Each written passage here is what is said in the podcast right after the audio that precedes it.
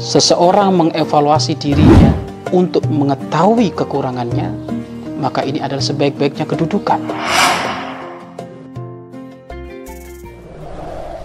Ayo gabung program wakaf tanah dan bangunan Al-Bahjah Buyut. Hanya 200 ribu per meter.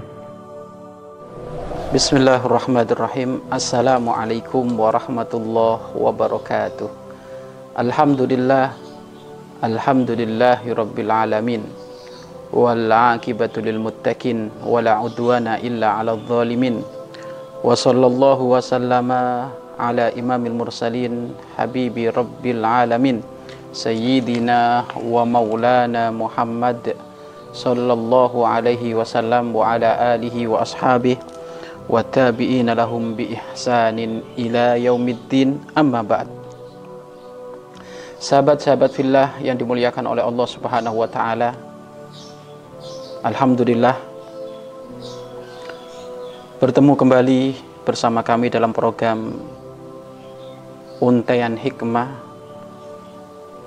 Penyijuk Jiwa Pelipur Lara Berkumpullah dengan orang-orang yang mempunyai rasa malu. Maka kita akan mempunyai rasa malu juga. Berkumpullah dengan orang yang menjaga mata, maka kita akan biasa menjaga mata. Berkumpullah dengan orang yang merindukan baginda Nabi Muhammad Wasallam, maka engkau akan diajari rindu kepada baginda Nabi Muhammad Wasallam. Sahabat-sahabat fillah yang dimuliakan oleh Allah Subhanahu Wa Taala, seseorang akan terpengaruh agama temannya. Almaru ala dini khalili. Seseorang akan mengikuti agama temannya. Maka dengan siapa kita berteman? Dengan siapa kita bergaul? Jika kita bergaul dengan orang yang jualan ikan asin maka tentu walaupun kita tidak jualan ikan asin maka kita akan mencium bau asin baju kita pun akan nempel bau-bau ikan asin. Begitu juga di saat kita berteman dengan orang-orang yang jualan minyak maka walaupun kita tidak jualan minyak tidak membeli minyaknya setidaknya kita mencium bau harum dan juga tubuh kita ketempelan baunya harum. Dari sini bisa kita fahami bahwasanya kalau engkau ingin bisa menambah kualitasmu, maka ini ada hubungan eratnya dengan teman-teman kita, sekeliling kita, sekelompok kita. Bahkan teman-teman orang-orang yang berada di sekeliling kita ini akan menjadi hal utama akan mempengaruhi kehidupan kita. Ada orang tabiatnya baik, jujur, soleh, hatinya senantiasa merasa iba jika melihat si fakir, si miskin, terhimpit. Akan tapi jikalau kanan kirinya, teman-temannya, sahabatnya, pendukungnya, kalau ternyata mereka adalah pendukung yang tidak memiliki rasa iba, tidak ada kasih sayang, tidak ada kejujuran, maka mau nggak mau ini orang akan ketularan. Akan mudah dia ketularan. Kenapa kok bisa seperti itu? Iya, karena lingkungan ini pengaruhnya itu lebih dahsyat daripada ular berbisa. Seseorang jika digigit ular, ular yang berbisa, maka lama-kelamaan anggota tubuhnya akan merasakan racun yang masuk. Begitu juga pergaulan jika dapat pergaulan yang jelek, jika dapat pergaulan yang amburadul, maka otomatis akan, akan cepat mempengaruhi tabiat, kebiasaan, akhlak dari orang yang berteman. Sehingga disebutkan dalam sebuah syair, jika engkau ingin berteman, maka lihatlah temannya. Jika engkau ingin berteman, atau jika engkau ingin melihat sesuatu, jika engkau ingin melihat seseorang, maka lihatlah temannya. Kalau temannya baik, otomatis seseorang tersebut baik. Anil mar'i la tas'al wa absir korina fa innal korina bil muqarani yaktadi. Anil mar'i jika bertanya tentang seseorang Anil mar'i jika kau bertanya tentang seseorang maka tanyalah temannya. Fa innal korina bil muqarani yaktadi karena teman dengan yang ditemani sama. Mana teman di sini adalah sangat luas. Teman ini bisa persahabatan, teman bisnis, teman majelis, teman duduk, teman jogging, oh macam-macam sudah. Orang tua kita, adik kita, kakak kita, tetangga kita, teman kantor kita, teman kerja kita, ini semuanya teman. Maka kalau engkau ingin melihat seseorang, lihat sekelompoknya, sekelilingnya itu siapa. Fa'afsir korina, lihat temannya. Anil mar'i la tas'al korina. Jangan kau langsung bertanya kepada orangnya, tapi tanyalah temannya. Karena temannya itu menggambarkan orang yang berada sekelilingnya. Dari sini, ayo, jangan sampai kita salah berteman. Karena salah berteman akibatnya fatal. Dan kalau sudah salah pergaulan, akan keluar dari pergaulan itu susah. Seseorang itu kadang mudah mencari ridhonya manusia, tapi giliran mencari ridho Allah susah.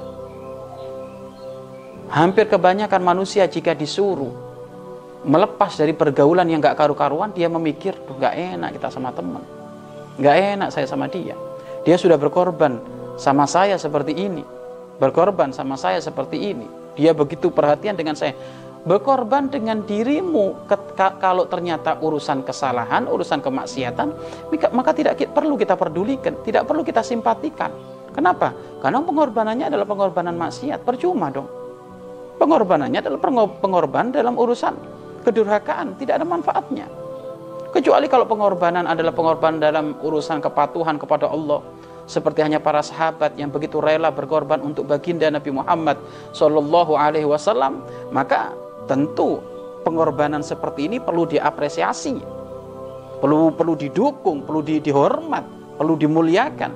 Tetapi kalau ternyata pengorbanannya dengan sesama teman, dengan sesama kelompoknya itu atas kepentingan urusan kemaksiatan kepada Allah, maka tidak ada perlunya. Sahabat-sahabat fillah yang dimuliakan oleh Allah Subhanahu wa taala, ayo kita ingin banyak teman yang menghantarkan kita semakin dekat kepada Allah Subhanahu wa taala. Sehingga Al-Imam Ghazali rahimahullahu taala di dalam kitabnya Bidayatul Hidayah setidaknya di dalam engkau memilih teman, mencari pasangan, memilih pergaulan setidaknya hadirkan salah satu atau bahkan semuanya dari empat hal. Yang pertama adalah janganlah kau berteman dengan siapa pun kecuali bertemanlah seagamanya. Bertemanlah seagama. Karena agama ini penting. Akan mempengaruhi kedekatanmu kepada Tuhanmu. Cari teman yang seagama. Ini satu. Tentu agama kita adalah agama Islam Cari teman yang penganut agama Islam. Karena ini nanti akan mempengaruhi kedekatan kita kepada Allah Subhanahu wa taala. Kemudian yang kedua, cari teman yang jujur. Kejujuran sang teman yang ditampakkan di hadapanmu akan menular kepada dirimu. Tidak, tidak, tidak ada perlunya kita berteman dengan pembohong, penyebar berita hoak, suka membuat fitnah, maka lama kelamaan karena nampak di pelupuk matamu, maka engkau akan pun akan terbiasa berkata bohong, berbuat hoak dan macam-macam. Maka carilah teman yang jujur. Yang pertama adalah agamanya. Agamanya ini penting. Yang kedua adalah kejujuran. Ini juga penting. Kemudian yang ketiga adalah cari teman yang cerdas. Bukan bodoh. Orang bodoh itu mula-mula kayaknya nolong, tapi hakikatnya mentung. Karena kebodohan dia.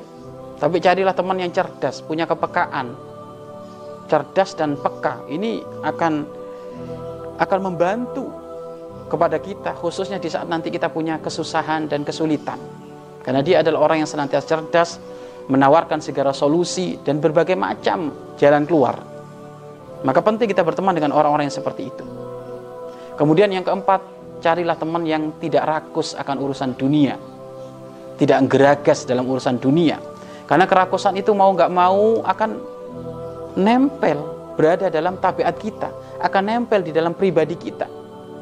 Kalau kita biasa berkumpul dengan teman yang senantiasa foya-foya dalam urusan dunia, mau nggak mau kita ngikut. Kalau kita biasa berteman dengan orang yang suka gonta-ganti mobil, maka kita akan ngikut gonta-ganti mobil. Kalau kita senantiasa berteman dengan orang-orang yang senantiasa gonta-ganti HP, membangga-banggakan merek HP, maka kita pun obrolannya, kelakuannya pun meng gonta-ganti HP dan menggedikan HP. Maka semuanya adalah tergantung temannya. Maka ayo cari kriteria dari empat model teman tersebut. Yang pertama adalah agamanya, yang kedua adalah kejujuran, yang ketiga adalah kecerdasan dan kepekaan, dan yang keempat adalah tidak adanya kerakusan dalam urusan dunia. Karena kerakusan dalam urusan dunia ini ini sangat berbahaya. Sahabat-sahabat fillah yang dimuliakan oleh Allah Subhanahu wa taala. Ayo, sekarang sekeliling kita ada siapa saja. Mau nggak mau kita ini sudah bermuamalah dengan siapa pun, bermuasyarah dengan siapa pun, bergaul dengan siapa pun. Sekarang ayo kita pilih-pilih mana yang harus kita bergaul dengan sesungguhnya? Mana yang kita harus bermuamalah dengan sesungguhnya? Dari beberapa teman kita mungkin ada 100 teman dipilih. Mana yang harus benar-benar saya jalin pertemanan dengan dia. Memang sisi lain Allah Subhanahu wa taala mengagungkan, membesarkan pertemanan atas nama Allah. Sahabat fillah. Bahkan sampai nanti di hari kiamat Allah Subhanahu wa taala menyebut mereka semuanya ainal mutahabbin li jalali. Mana orang-orang yang saling mencintaikan aku mana? Allah sudah menyiapkan surga bagi orang-orang yang saling mencintaikan Allah. Diseru memang. Persahabatan yang karena Allah akan diseru untuk masuk ke surganya Allah. Ainal mutahabbin li jalali. Ainal mutahabbun li jalali. Mana orang-orang yang saling mencintaikan aku? Sini, sini, sini. Kamu masuk surgaku. Maka persahabatan karena Allah, bertemu karena Allah, berpisah karena Allah, ini akan mengundang ridhonya Allah akan mengundang pahala Allah, akan mengundang surganya Allah. Maka ayo dari beberapa teman yang sudah kita kita lakukan jalinan dengan mereka, kita pilih-pilih mana yang harus kita berteman serius, sungguh-sungguh dan mana yang tidak.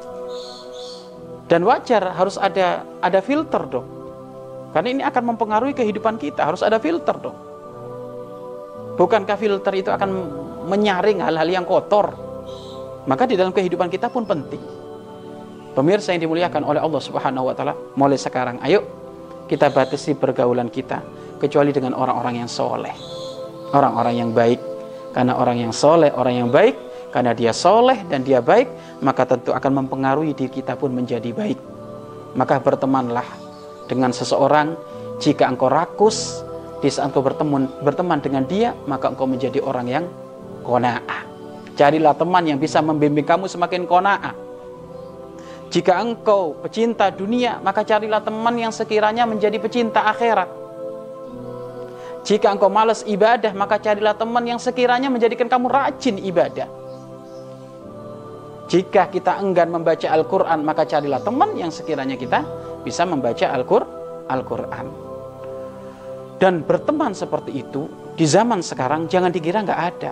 Banyak orang-orang soleh seperti itu. Tetapi ingat, yang soleh akan bertemu dengan yang soleh. Yang soleha akan bertemu dengan yang soleha. Yang jelek akan bertemu dengan yang jelek. Mudah-mudahan hubungan kita dengan sesama manusia senantiasa diliputi dengan orang-orang yang soleh, orang-orang yang soleha.